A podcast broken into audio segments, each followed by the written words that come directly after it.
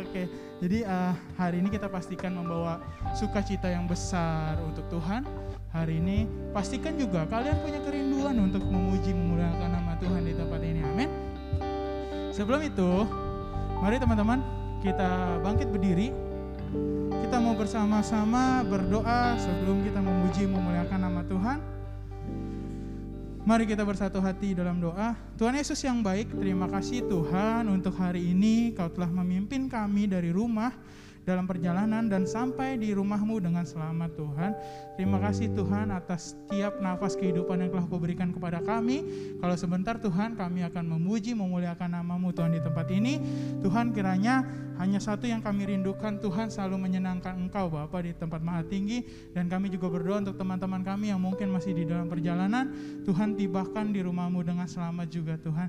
Dan ini Tuhan siap kami Tuhan yang rindu akan pujianmu, yang rindu akan lawatan kekuatanmu di tempat ini Tuhan. Dan kami juga mengusir segala roh-roh jahat yang ada di tempat ini. Kami tengking, kami hancurkan di dalam nama Tuhan Yesus Kristus. Kiranya kemuliaanmu saja Tuhan yang boleh kami tinggikan di tempat ini. Terima kasih Tuhan Yesus, inilah setiap doa kami. Kami siap untuk datang ke baitmu. Haleluya. Amin. Mari kita datang ke baitnya. Kasih tepuk tangan yang paling meriah untuk Tuhan.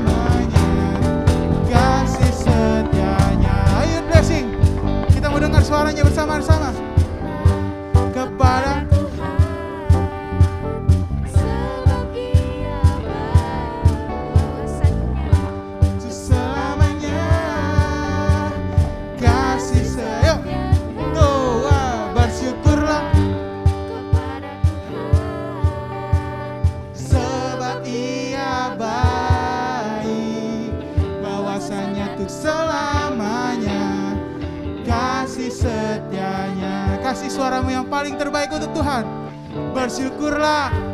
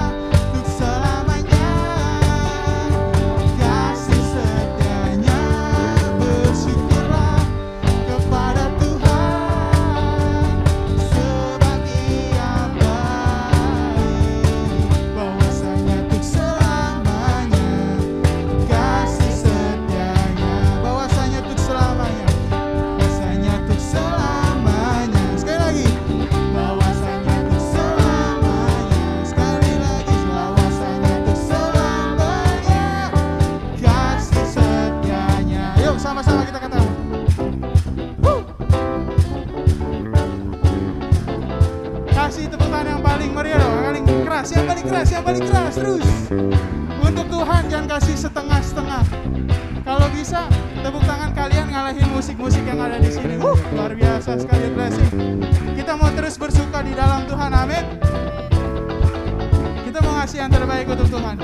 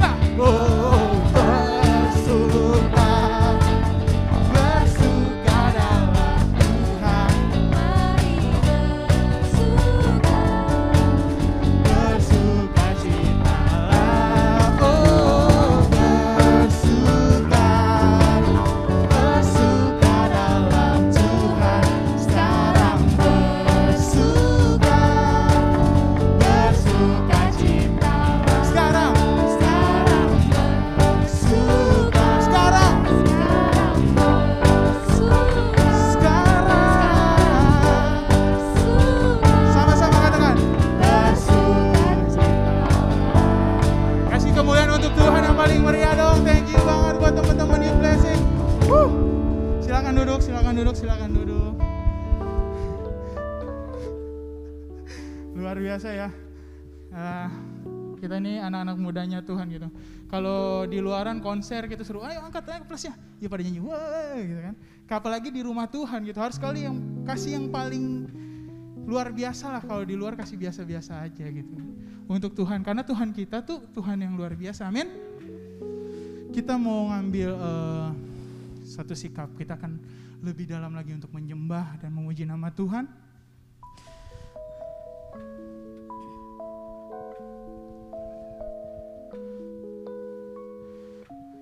Bawalah teman-teman, pastikanlah hari ini kalian datang ke tempat ini dengan membawa kerinduan, dengan membawa satu pergerakan. Dan saya dulu pernah ingat gitu.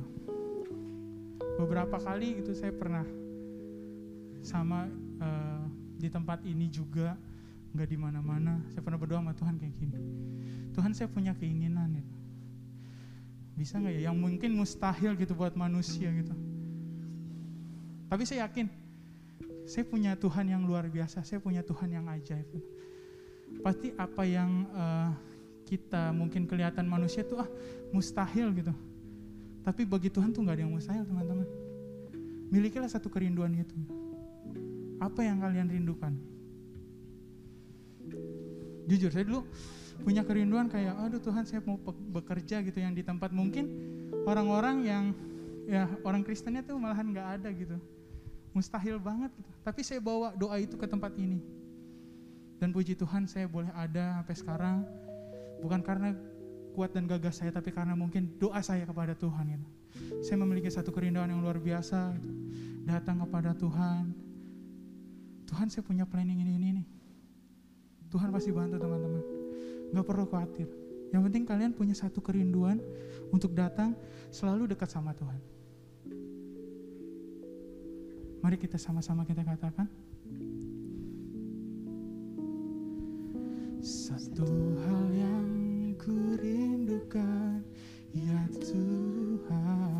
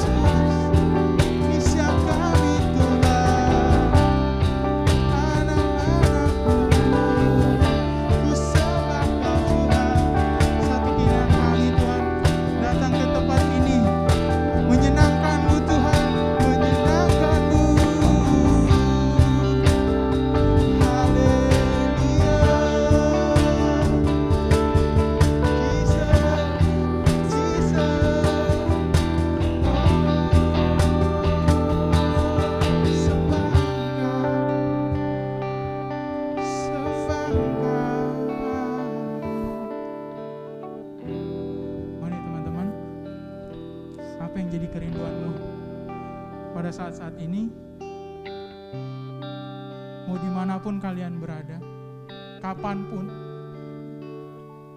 jika kalian memanggil nama Tuhan, kalian kasih tahu sama Tuhan, ini Tuhan,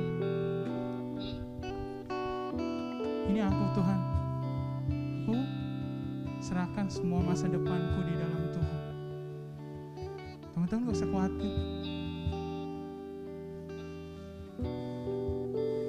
Coba deh teman-teman bayangin betapa baiknya Tuhan di dalam kehidupan kalian. Sampai saat ini, kalau boleh dihitung, dan bahkan tidak bisa kehitung, apa yang Tuhan telah kasih pada kalian. Tapi kadang gini, sering kali ya kita suka, ah Tuhan mana nih Tuhan? Suka menagih gitu. Teman-teman, mulai saat hari ini, Gak usah seperti itu. Kita tinggalkan yang itu. Kita bawa aja pengharapan kita kepada Tuhan. Kita taruh saja apa yang jadi keinginan kalian di dalam Tuhan. Percaya teman-teman, jika kalian dekat sama Tuhan, yang namanya kemustahilan itu akan menjadi mungkin. Pada saat ini, berdoalah pada Tuhan. Apa yang menjadi kerinduanmu? Silakan teman-teman. Saya kasih waktu buat teman-teman khusus untuk Tuhan. Saya beri waktu teman-teman untuk lebih dekat lagi sama Tuhan. Apa yang jadi kerinduanmu? Yang tadi saya bilang, tiada yang mustahil untuk Tuhan. Ingat teman-teman, gak ada yang mustahil buat Tuhan. Kalau kalian percaya di dalam Tuhan, kemustahilan itu akan menjadi mungkin, oke? Terus bawalah dalam doa terus. Mungkin saya nggak tahu apa yang jadi pergumulan teman-teman. Tapi Tuhan, Tuhan tahu dan Tuhan pengen teman-teman membawa itu sama Tuhan. Ceritakan sama Tuhan. Tuhan pasti kasih jalan keluar.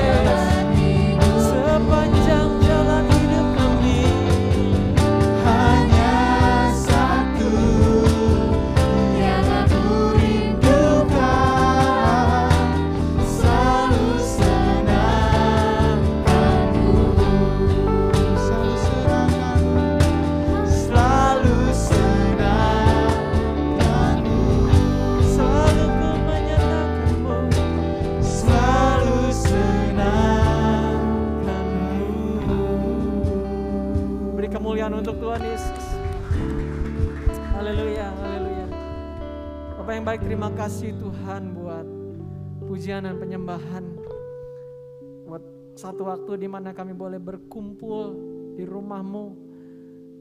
Kami bersyukur kami bisa beribadah dan kami mau pakai kesempatan yang begitu indah ini untuk kami dapat terus berjumpa dengan Tuhan, menikmati hadiratmu Tuhan.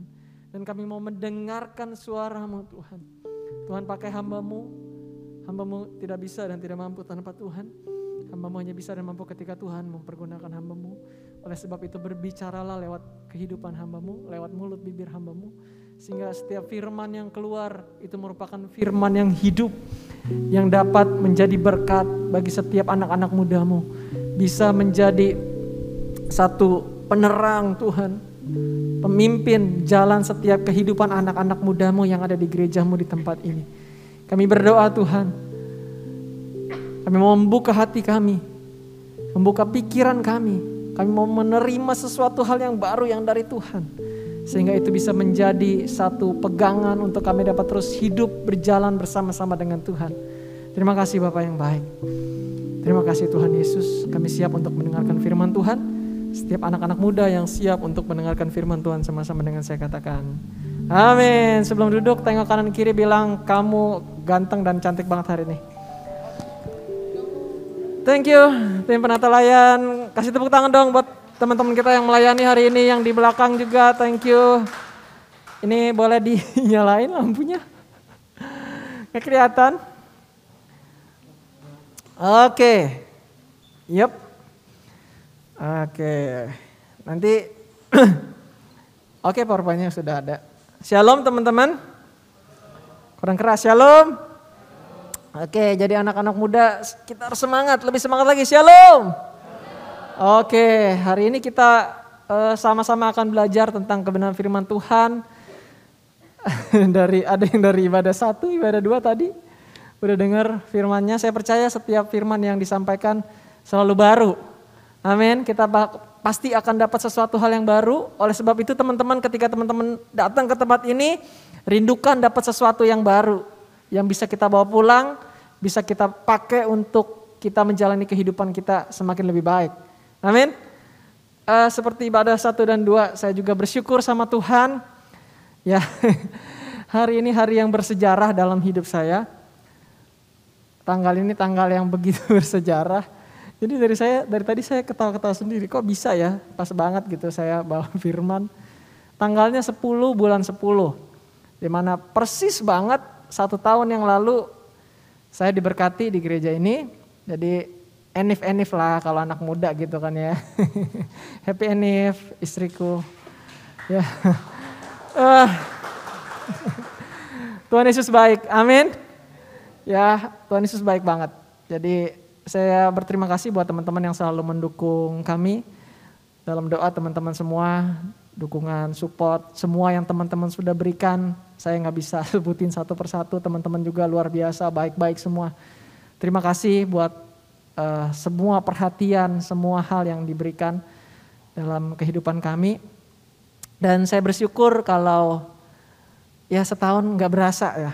Kayaknya baru kemarin. Kalau saya bersaksi, ini mungkin spesial lah ya, karena anak-anak muda. Ya, dari saya udah pernah belum sih menyaksikan ini? Saya juga nggak tahu sendirinya udah pernah apa belum gitu ya. Kalau dibilang perjuangannya mah, wah, sebagian dari teman-teman mungkin tahu. Kami tuh hampir batal nikah. Kalau teman-teman tahu, batal hampir, hampir ya.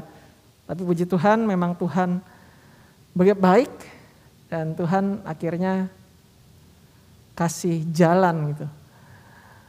Jadi kita kenal itu dua tahun ya, dua tahun kenal. Ya lirik-lirik lah. Saya juga orangnya tipikal orang yang bukan frontal gitu ya. Justru saya kalau suka sama orang saya tipikalnya malu. Nggak mau mau ngobrol gitu takut. Mau deketin takut gitu ya. Takut. Wah pokoknya minder lah gitu ya. Sampai satu ketika saya memantapkan diri saya. Oke. Ya, saya ajak dia makan. Syalah, buka kartu nih. Saya ingat banget itu di SMS di Solaria. Sampai sekarang itu tempat nggak bakalan saya lupain. Jadi tuh makan kayaknya kok makanannya hambar ya. Kagak kagak enak gitu udah mau makan juga ntar minum lagi, minum lagi makan. Nggak tahu itu saya makan apa saya lupa. Pokoknya nggak tahu dah, pokoknya pesan aja apa yang ada di situ. Karena hati saya sudah berkecamuk gitu. Oh saya mau harus sampaikan ini. Saya harus sampaikan isi hati saya. Cialah. Saya sampein. Itu udah deket ya. Udah deket berapa bulan. Nggak langsung main kenal langsung tembak. Enggak. Kenal dulu berapa bulan. Udah bakal hampir ya udah dua tahun saya agak lumayan deket. Akhirnya di beberapa bulan belakangan intens gitu ya. Akhirnya dia tolak. Kamu tolak aku ya pernah. Enggak, dia tolak karena kita beda gitu ya. Bukan beda agama, beda suku. Ya, kita beda. Dia bilang nggak mungkin bisa. Ya, dia bilang nggak mungkin. Nggak, nggak, nggak bakal mungkin dah. Pokoknya orang dia tahu orang tuanya seperti apa. Dan saya juga pikir, "Ah, tapi nggak tahu gitu ya kenapa dalam hati saya ini kayak enggak gitu. Dan saya saya memang doa saya dari saya mu- muda lagi. Dari saya umur belasan saya bilang Tuhan saya nggak mau punya mantan lah gitu. Pokoknya sekali pacaran jadi istri gitu. Makanya ya bersyukur saya nggak punya mantan. Yang punya mantan nggak apa-apa, nggak berdosa, nggak dosa. Setiap orang beda-beda, beda-beda, beda-beda. Ya ada yang bilang ya nggak apa-apa gitu. Ya namanya juga proses. It's okay gitu, nggak apa-apa. Tapi saya memang minta sama Tuhan, Tuhan kalau boleh satu aja, tapi langsung udah sampai selesai gitu. Ya singkat cerita, pokoknya eh sampai jam 12 malam kayaknya waktu itu deh. Eh enggak, enggak nyampe ya, 11 ya, jam 11. Jam 11 tuh kita, saya terus meyakinkan dia sebagai laki-laki gitu ya. Enggak pasti nanti berjuang kita gini gini gini. Wah banyak dah saya ngomong seribu ma- banyak dah pokoknya. Sampai malam akhirnya nggak tahu tuh iya apa enggak. Ya pokoknya iya dia mau tapi enggak juga. Ya begitu dah ya. Saya pusing saya juga. pusing nggak cerita dijalanin, dijalanin hari berganti hari. Saya bilang tanjakan di rumah dia kan di rumah dia tanjakan perjuangan. Ya, jadi setiap lewat situ saya udah semakin deg-degan gitu. Karena ketemu mertua saya itu kan dulu kan ya masih karena beda ya jadinya. Ya kurang gimana ya tapi baik gitu. Baik tetap baik. Cuman saya tahu maksudnya saya ini beda gitu. Saya eh, ya gitulah pokoknya. Setiap nanjak ke situ saya udah deg-degan terus aduh. Ya waktu berganti waktu ya semakin dekat semakin dekat semakin dekat. Ya kita juga pacaran dengan baik cuman namanya anak muda ya kadang pulang malam gitu kan. Sini jangan lah ya jangan ikutan. Pulang jam 11 kadang gitu dari gereja makan dulu ya namanya. Nah ya biasa ada di sidang gitu kan. Dipanggil sini dulu masuk. Itu mah udah menjadi bagian lah maksudnya. Tapi saya bersyukur sampai enam tahun sampai di titik di mana saya saya yakin sama dia ya pokoknya sih banyak banyak banget yang terjadi gitu. Saya nggak bisa ceritain sini panjang kepanjangan. Jadi singkat cerita kami mau menikah dan pada saat itu dari keluarga saya nggak mau ikutin keluarga Ica. Dari keluarga Ica nggak mau ikutin keluarga saya. Nggak ketemu. Nggak match. Pertemuan pertama fail. Nggak dapat hasil. Tapi kami terus berdoa Tuhan kalau memang dari Tuhan kita percaya Tuhan pasti kasih jalan. Sampai akhirnya ya udahlah kita udah hopeless gitu. Kita terus ngomong sama orang tua masing-masing hopeless. Ya udahlah kalau mau putus ya putus aja gitu walaupun udah sakit banget ya. Tapi seenggaknya saya sudah berjuang. Seenggaknya dia juga sudah berjuang. Ya udah akhirnya kita mau putus. Eh di saat itu Tuhan buka jalan gitu. Ya udah dari keluarga saya nggak apa-apa. Eh, kita adatin boleh. Oke dari keluarga dia ya udah nggak apa-apa. Nanti pemberkatan di gereja sini nggak apa-apa. Dibuka jalan kan? Ya biasa masih kadang eh, mana yang mau duluan, mana yang mau belakangan, adatnya mau duluan atau ininya mau belakangan. Ah, udah masih masih banyak lah perbincangan-perbincangan. Sehingga cerita akhirnya corona lah terjadi. Dat corona. Saya bilang Tuhan apa corona ini? saya kadang aneh-aneh gitu. Kenapa saya nikah kok pas corona gitu ya? Dan akhirnya nggak ada yang namanya duluan. Pemberkatan semuanya bersuka cita. Nggak ada yang sakit hati. Saya juga bilang Tuhan aneh gitu. Saya nggak pernah kebayang kalau saya nikah terus corona. Bukan berarti saya senang saya corona enggak. Enggak juga gitu. Cuman maksudnya Tuhan tuh punya timing yang tepat gitu. Punya waktu yang tepat, punya cara yang tepat yang kita sendiri nggak pernah kita pikirin. Akhirnya it's okay gitu. Semuanya lapang dada, semuanya bersuka cita. Kita tanya orang tua kita, mereka pun ya sudah oke. Dan puji Tuhan semuanya berjalan dengan baik. Sampai saat ini kami sudah satu tahun dan kami tahu masih banyak tahun-tahun ke depan yang akan kami lalui bersama. Dan kami bersyukur papa mama saya dalam kondisi yang baik. Papa mama mertua juga dalam kondisi yang baik. Kami bisa match gitu ya. Sama-sama saling mengasihi akhirnya. Jadi teman-teman saya mau kasih tahu buat kita yuk kita juga mau percaya sama setiap rencana Tuhan. Tapi bukan cuma percaya, tapi kita juga mau melakukan sesuatu. Amin. Ketika mungkin teman-teman yang merindukan pasangan hidup yakin dan percaya Tuhan pasti kasih yang terbaik. Tapi ya kita juga mesti beru berusaha. Lakukan bagian kita, Tuhan pasti lakukan bagiannya. Amin. Oke, kepanjangan. Gak apa-apa. Eh, bulan ini kita masuk masuk eh, masuk ke dalam pembahasan kita dan ini kita membahas tentang pemulihan yang terakhir di tahun ini. Nggak terasa ya? Yang pertama kita udah belajar pemulihan pribadi, pemulihan keluarga, pemulihan keuangan, pemulihan pelayanan dan bulan ini kita berbicara tentang pemulihan hubungan dengan sesama. Oke, teman-teman bisa lihat di layar depan ada sebuah video. Oke. Teman-teman tahu kelihatan nggak nih? Jadi ini final Argentina lawan Chili. Siapa yang nonton?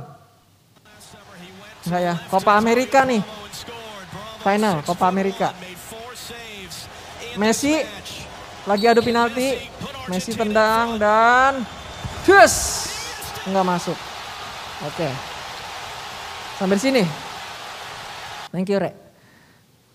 Yang saya mau tanya, Marcel, kalau kamu nonton nih ya dari menit pertama, Sel, kan kamu main bola kan? Menit pertama nih kamu dukung, kamu dukung siapa?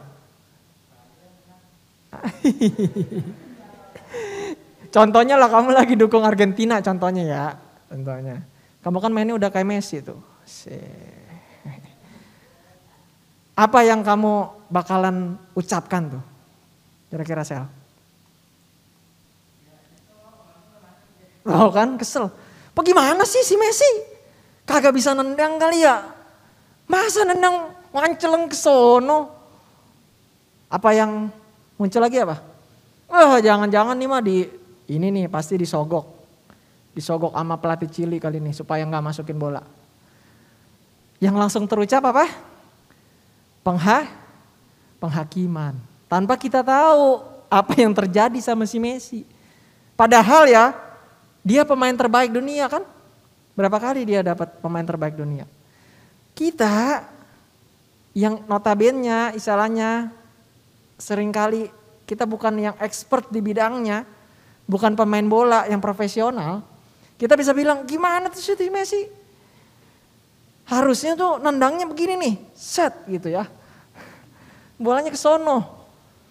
Padahal kalau kita yang disuruh nendang penalti itu belum tentu juga masuk. Kaki udah gemeteran dulu. belum tentu juga masuk. Kalau kita disuruh main bola belum tentu juga kita main sebaik si Messi. Benar? Seringkali kita menghakimi sesuatu yang kita tidak tahu kebenarannya. Seringkali kita menghakimi seseorang yang kita nggak pernah ada di dalam posisinya. Nah hari ini kita mau sama-sama belajar tentang jangan menghakimi. Katakan jangan menghakimi. Oke Matius 7 ayat 1 sampai 5. Nanti yang cowok ayat yang ganjil, yang cewek ayat yang genap. Satu, dua, tiga, cowok. Dua.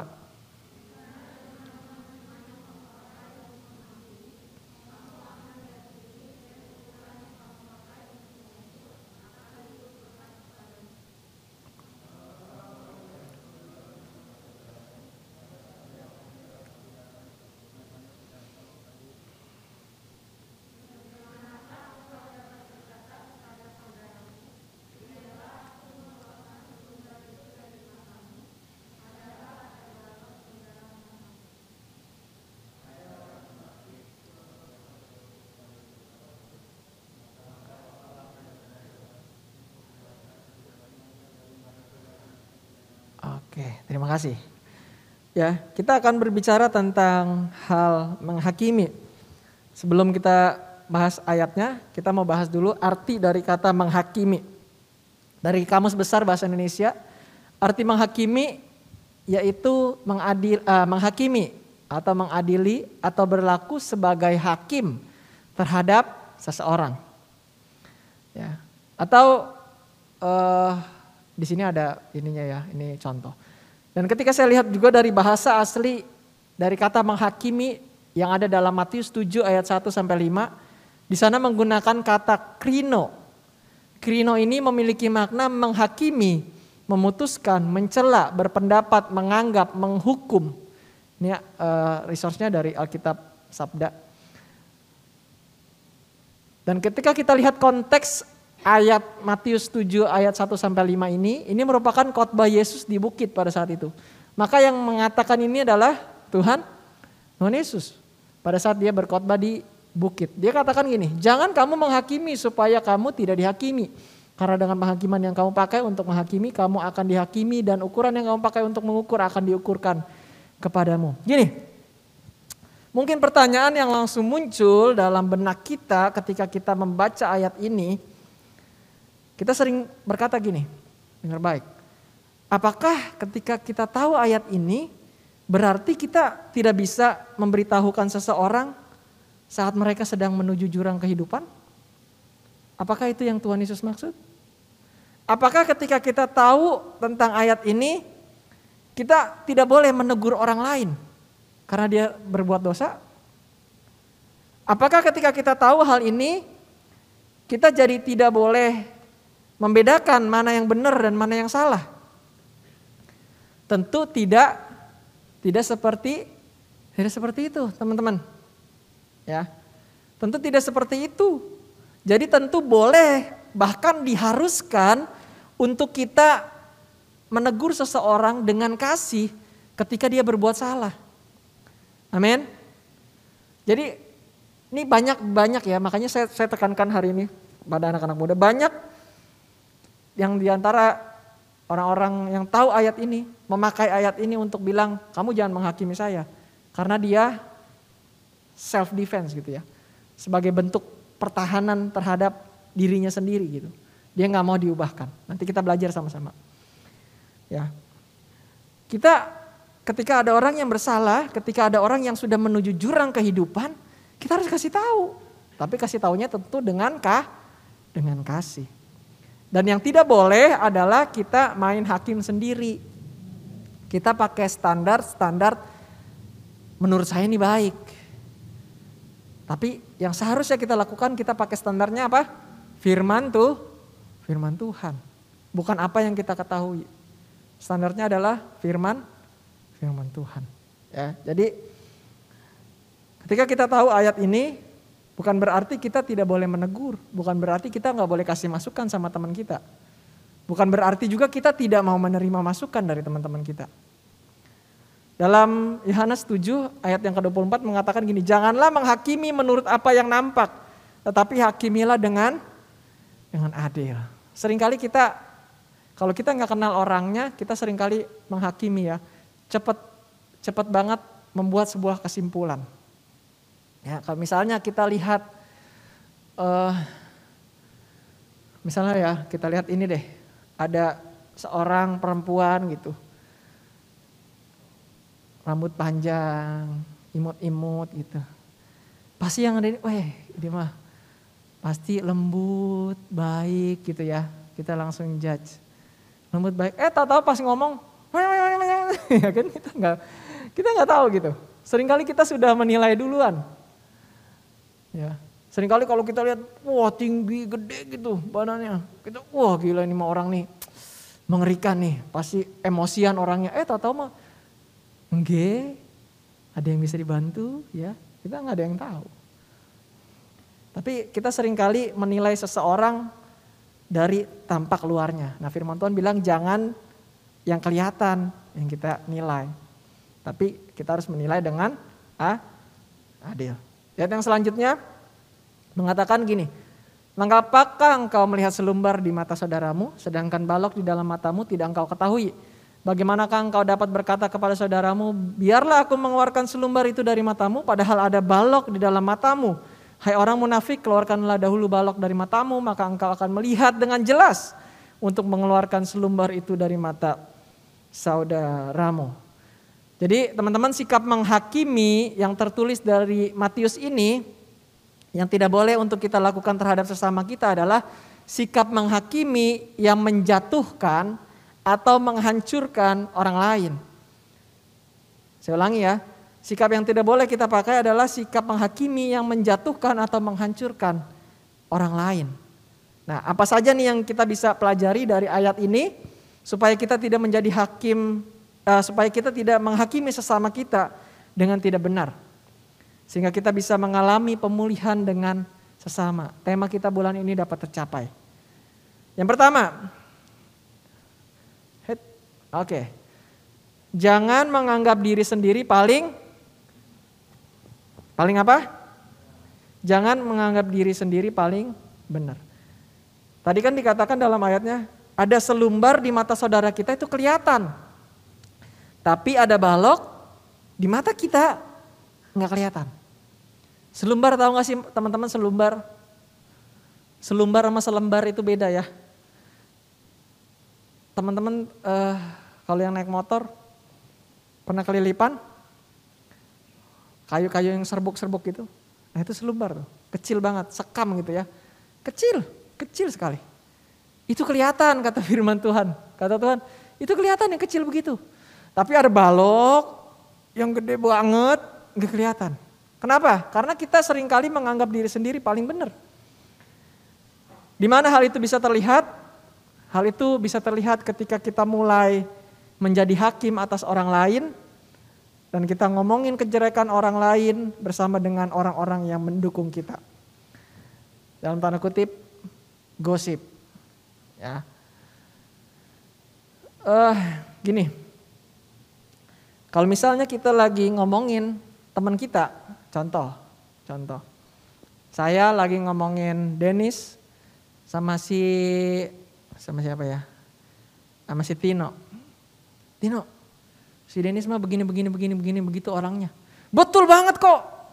Emang itu si Dennis mah begitu. Parah banget dia mah kok. Udahlah, begini begini beginilah. Oh iya Tin, benar benar. Yang ini. Akhirnya hubungan saya sama Dennis enak gak? Enggak, karena saya sering ngomongin Dennis sama Tino. Walaupun saya gak ngomong langsung sama Dennis. Tapi begitu saya ketemu Dennis kayaknya perasaannya gak enak gitu. Hubungan Tino juga sama Dennis pasti gak akan baik. Males si, si Tino ngomong sama si Dennis. Karena karena apa yang karena kami saya dan Tino menghakimi si Dennis. Oleh sebab itu anak-anak muda di tempat ini saya percaya nggak ada yang kayak gitu. Amin. Amin. Jangan kita uh, membicarakan keburukan, kejelekan teman-teman kita sama teman yang lain. Nanti itu akan merusak hubungan antar sesama. Ya, kita boleh gitu, boleh punya teman, punya teman dekat, boleh. Dalam artian uh, mungkin ya ada makanya kita bagi-bagi itu ada leader-leadernya. Ya. Boleh teman-teman cerita, curhat, dan sebagainya. Tapi jadikan itu menjadi sebuah sarana yang baik. Amin. Yang membangun satu sama lain, bukan menjatuhkan orang yang lain. Amin. Ya. Jangan menganggap diri sendiri paling benar. Di sini ada kutipan yang mengatakan when you judge another, you don't define them, you define yourself. Artinya ketika kita menghakimi seseorang, kita lagi kita tidak lagi mendefinisikan orang tersebut. Tetapi kita sedang mendefinisikan atau menceritakan diri diri kita. Contohnya gini. Saya lagi sama Tino ya. Tin. si Denis mah males orangnya ya. Contoh ya. Enggak Denis mah rajin. Rajin banget. Males orangnya ya. Nih kalau Koko mah ya. Koko mah rajin banget. Suka nyapu, suka ngepel. Dia mah males. Nggak suka ngapel, nggak suka nyapu tuh. Lihat aja. Main mulu kerjaannya. Siapa yang lagi didefinisikan? Saya. Saya. Kok Charlie nih? Lihat nih, kok Charlie nih suka ngepel, suka nyapu, rajin. Yang didefinisikan bukan orang yang kita omongin. Justru kita sedang mendefinisikan diri kita sendiri. Ini hal yang sering kali terjadi dalam hidup kita teman-teman. Tapi kita diberikan rambu-rambu, peringatan untuk kita tidak melakukan hal ini. Amin. Ya, kita jangan kita melakukan hal ini. Yang pertama jangan kita menganggap diri kita sendiri paling paling benar. Sibuk menghitung atau menunjuk dosa orang lain tidak membuat diri kita menjadi benar atau atau suci. Seringkali kita, kita merasa diri paling benar gitu paling suci, udah paling hebat lah pokoknya. Ini yang membuat hubungan, pemulihan hubungan dengan sesama tidak tercapai. Gini, contohnya gini, siapa nih yang masih sekolah? Sekolah. Oke, dijawabnya uh, ini aja ya. Atau yang dulunya kan pasti sekolah. Kalau dapat nilai jelek. Terus tanya, kenapa ini dapat nilai jelek? Jawabnya apa? Jawabnya apa? Jawabnya apa? Tadi mana yang masih sekolah? Apa Alexa jawabnya? Kenapa kamu dapat nilai jelek MTK-nya? Kenapa dapat nilai jelek? Enggak pernah ya? salah saya salah nanya orang. Contoh, kalau misalnya karena nggak ngerti. Oke. Gini nih, saya pernah dengar di sini mah nggak ada, nggak ada.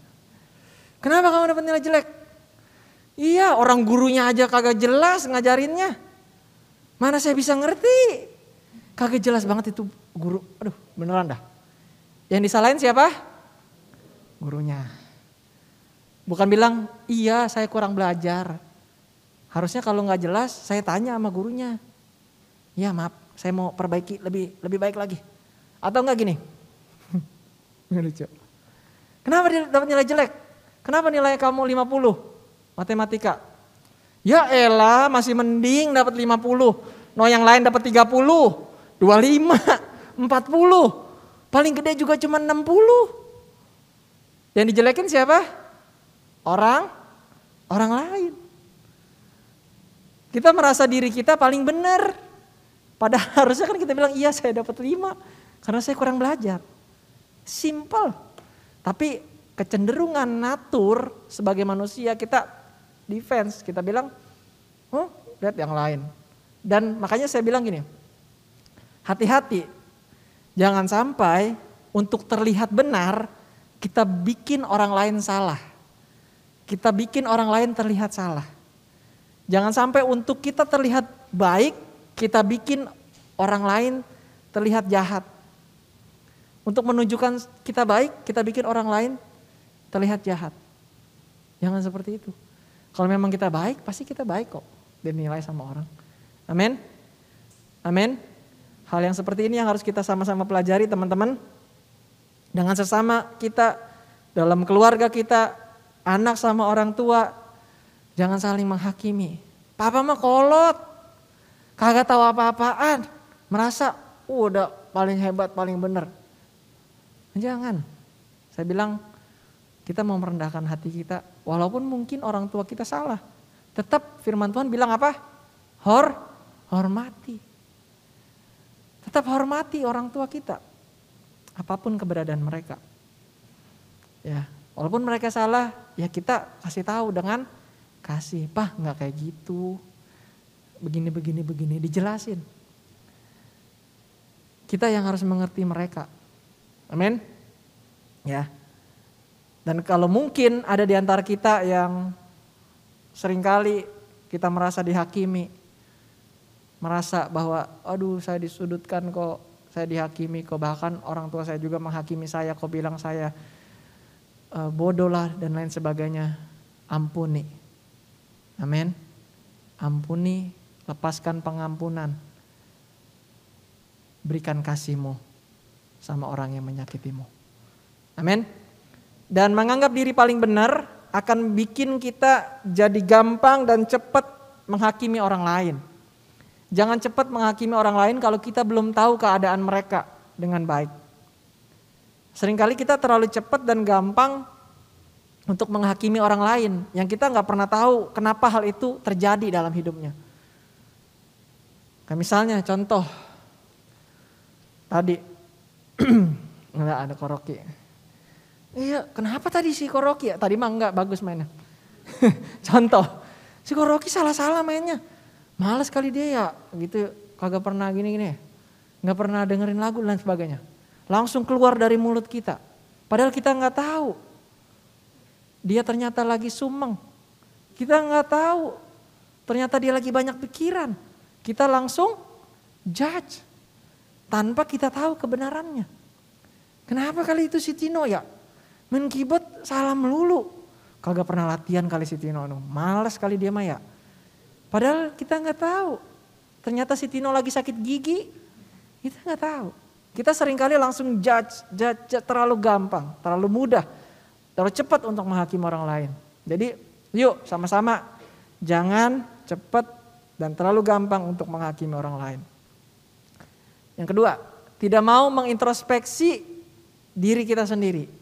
Atau kita tidak mau melihat kesalahan diri kita sendiri dan menerima masukan. Di yang ketiga tadi dibilang, kenapa bisa lihat selumbar di mata orang, tapi ternyata di mata kita ada balok nggak kelihatan. Inilah yang sering terjadi. Kita begitu sukar untuk melihat kekurangan atau kesalahan diri kita sendiri. Yang sebenarnya lebih gede, lebih besar dibandingkan kesalahan orang lain. Ya, kita jadi sulit untuk tidak menjadi orang munafik. Tadi ayat firman Tuhan mengatakan demikian ya. Yang bisa menerima kalau diri kita salah. Kecenderungan kita sebagai manusia maunya benar terus. Benar nggak? Pengen nggak terlihat salah? Enggak kan? Pengennya benar terus. Nah yang salah ketika kita supaya terlihat benar seperti yang kita saya bilang tadi. Kita buat yang lain terlihat salah. Nah itu hal yang keliru, hal yang tidak boleh untuk kita lakukan. Yang harus dilakukan oleh anak-anak Tuhan adalah jangan kita menganggap diri kita sendiri paling benar. Amin. Amin. Ya. Yang kedua, yang kedua, kita harus merubah cara pandang kita yang keliru. Dalam ayat yang keempat dikatakan bagaimanakah engkau dapat berkata kepada saudaramu biarlah aku mengeluarkan selumbar itu dari matamu padahal ada balok di dalam matamu. Jadi firman Tuhan bilang kan gini, sebelum kita mengeluarkan selumbar, saya lihat eh ada selumbar di matanya si Dwi. Sebelum saya mengeluarkan itu saya harus ilangin dulu baloknya. Bener nggak? Kalau ada balok di mata, sini saya keluarin dulu selumbarnya. Kalau nggak jadi kecolok itu mata orang, ketutupan balok. Apa yang harus kita lakukan? Rubah cara pandang kita. Lihat dulu baloknya. Singkirin dulu baloknya. Baru kita ambil selumbar itu. Tuhan gak bilang biarin aja selumbar itu. Biar kelilipan aja terus-terusan. Enggak. Tuhan bilang ambil. Tapi keluarin dulu baloknya. Ubah dulu cara pandang kita. Seringkali kita memiliki cara pandang yang keliru, teman-teman. Lihat ke depan, ada apa ini? Ada apa? Ada apa teman-teman? Hah? Titik. Lingkaran tadi katanya ya. Di sini nggak ada yang bilang, oh, atau yang tadi dari ibadah dua mah pasti tahu. Nggak ada yang bilang nih di depan ada apa? Layar. Layarnya gede kok, di tengahnya ada titik. Kita cuma lihat apanya? Di titiknya. Seringkali juga kita punya pandangan yang, yang seperti itu. Ketika orang udah berbuat baik sama kita, kasih masukan, kasih begitu dia berbuat salah, titik padahal mah. Yang dilihat kesah, kesalahannya. Lupa nih sama kebaikannya. Cuma lihat yang salah. Begitupun ketika kita berbuat salah. Gitu ya. Ketika kita melihat orang lain berbuat salah, wah parah banget. si si uh, si Marcel. Aduh. Parah banget dia begini begini begini begini. Wah, parah banget dah yang dia lakuin. Eh, giliran kita berbuat salah slow. Namanya juga manusia. Namanya juga manusia, bikin salah mah nggak apa-apa. Baru juga 85 kali, kita nggak pernah mau bilang iya saya salah, saya mau berubah. Sulit sekali untuk kita bilang demikian. Tapi saya percaya anak-anak muda di tempat ini pasti bisa. Amin. Ya. Seringkali cara pandang kita salah. Ya. Pastor Daniel Yosafat pernah menyampaikan di gereja ini, sering kali kita pakai kaca pembesar yang terbalik. Kita lihat kesalahan orang lain tuh kelihatan besar banget. Begitu kita melihat kesalahan diri kita, kecil gitu. Mulai sekarang balik pakai kaca pembesarnya. Amin. Lihat dulu ke diri kita. Perbaiki dulu diri kita.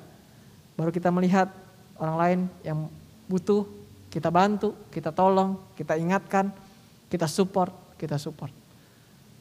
Kalau udah kita kita berbuat salah, kita bisa bilang iya, saya salah. Ampuni saya Tuhan, saya minta maaf juga sama kamu. Saya mau berubah menjadi lebih baik. Amin. Ya, ubah juga cara pandang kita ketika kita mendengarkan firman Tuhan. Seringkali kita bilang gini, hmm, dengerin tuh, yes, kena dia firman Tuhan ini cocok banget buat Kak Ica. terus, terus Kak Charlie, terus, yes, ya cocok banget buat Kak Ica. Tapi dia nggak lihat ternyata firman ini juga buat kehidupan kehidupan kita. Amin. Ya. Oh ini mah cocok banget nih buat si ini, buat si uh, Mas Dwi ini mah. Ini mah nggak buat saya. Firman Tuhan itu datang dulu dalam kehidupan kita. Amin. Kita dulu yang menerima. Kalau memang itu kita rasa ingin kita sampaikan kepada sesama kita, sampaikanlah dengan kasih. Amin sesuai dengan firman Tuhan di waktu yang tepat dengan cara yang tepat sesuai dengan firman Tuhan. Ya. Mother Teresa bilang gini, if you judge people, you have no time to love them. Ketika kita menghakimi seseorang, kita nggak punya waktu untuk mengasihi mereka. Oleh sebab itu poin yang ketiga, saya mau katakan kita harus saling mengasihi. Seperti yang dikutip dari kutipan Bunda Teresa, ketika kita sibuk untuk menghakimi, kita nggak punya waktu untuk mengasihi. Tetapi ketika kita sibuk mengasihi, kita nggak punya waktu untuk saling menghakimi. Amin. Sibuklah untuk saling mengasihi. Amin. Memberikan kasih satu sama lain, saling mengampuni, saling memberi. Bukankah hal itu yang indah? Amin. Amin. Kita harus saling mengasihi.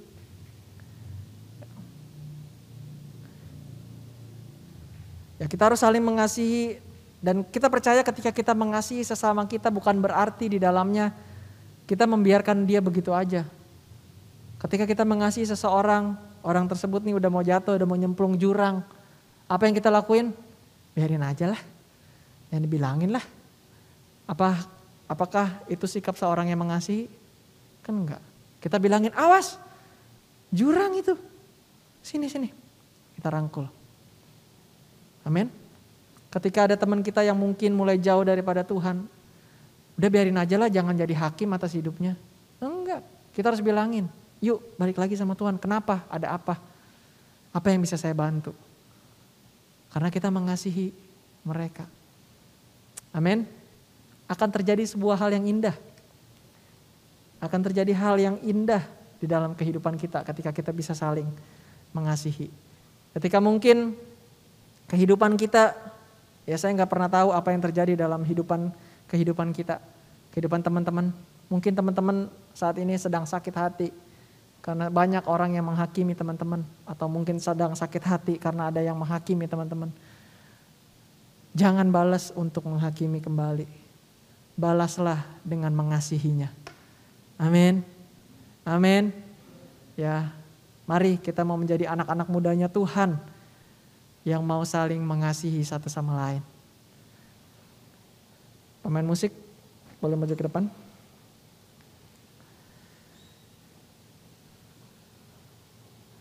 Dan ketika kita ditegur teman-teman, ketika kita mungkin diberi masukan, diberi teguran, terima itu dengan bijaksana. Selaraskan itu dengan firman Tuhan, uji itu dengan firman Tuhan. Kalau itu baik untuk kehidupan kita, ubah hidup kita. Akui bahwa iya saya salah, saya mau berubah. Amin. Amin. Kita juga harus memiliki komunikasi yang baik dengan sesama kita. Yang sering jadi, yang terjadi, kenapa banyak orang saling menghakimi? Karena nggak ada komunikasi, nggak mau saling ngobrol. Kenapa nggak mau saling ngobrol? Kenapa nggak ada komunikasi yang baik? Karena sering kali kita masih sulit untuk mengasihi. Yuk, hari ini kita mau saling mengasihi satu sama lain. Ada tiga hal yang kita pelajari hari ini tentang jangan menghakimi dengan tidak benar. Yang pertama, jangan menganggap diri sendiri paling benar untuk menghakimi sesama kita. Karena hal itu akan meng- mengakibatkan kita terlalu gampang dan cepat untuk menghakimi orang lain tanpa tahu kebenarannya. Yang kedua, kita harus berubah cara pandang kita yang keliru. Dan yang ketiga, kita harus saling mengasihi. Puji Tuhan. Biarlah berkat firman Tuhan ini bisa menjadi satu benih yang baik yang jatuh di tanah hati yang baik bisa berakar bertumbuh berbuah kita mau katakan Bapak Tuhan Yesus sentuh hati saya ubah hidup saya menjadi baru Tuhan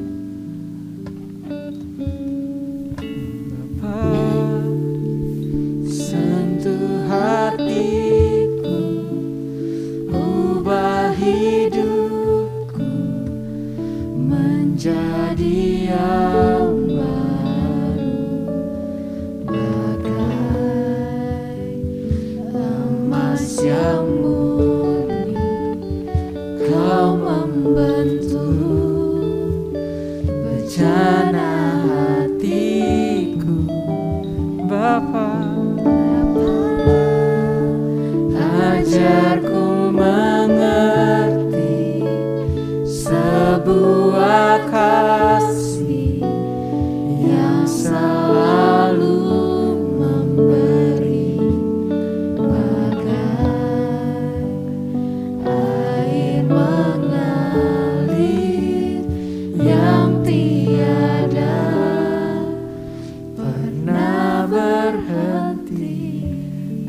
Tuhan Yesus buat berkat firman-Mu yang kami dengar pada siang hari ini.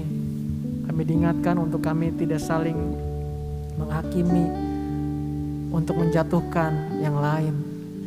Bapak, kiranya firman Tuhan ini dapat menjadi satu tuntunan untuk kami dapat berjalan terus di dalam jalan-Mu Tuhan. Dan kami tahu kami nggak bisa dan nggak mampu tanpa Tuhan. Tuhan tolong kami supaya kami dapat terus menjalani kehidupan kami seturut dengan kehendak Tuhan. Tuhan tolong kami Tuhan. Sehingga kami bisa menjadi anak-anak mudamu yang terus berjalan di dalam jalan keselamatanmu Tuhan. Dan kami berdoa Tuhan buat teman-teman kami yang mungkin kami nggak tahu keberadaan mereka Tuhan. Tuhan taruh hatimu dalam hati kami Tuhan. Supaya kami juga mau menjadi brother and sister keeper Tuhan. Menjadi teman-teman yang saling merangkul satu sama lain.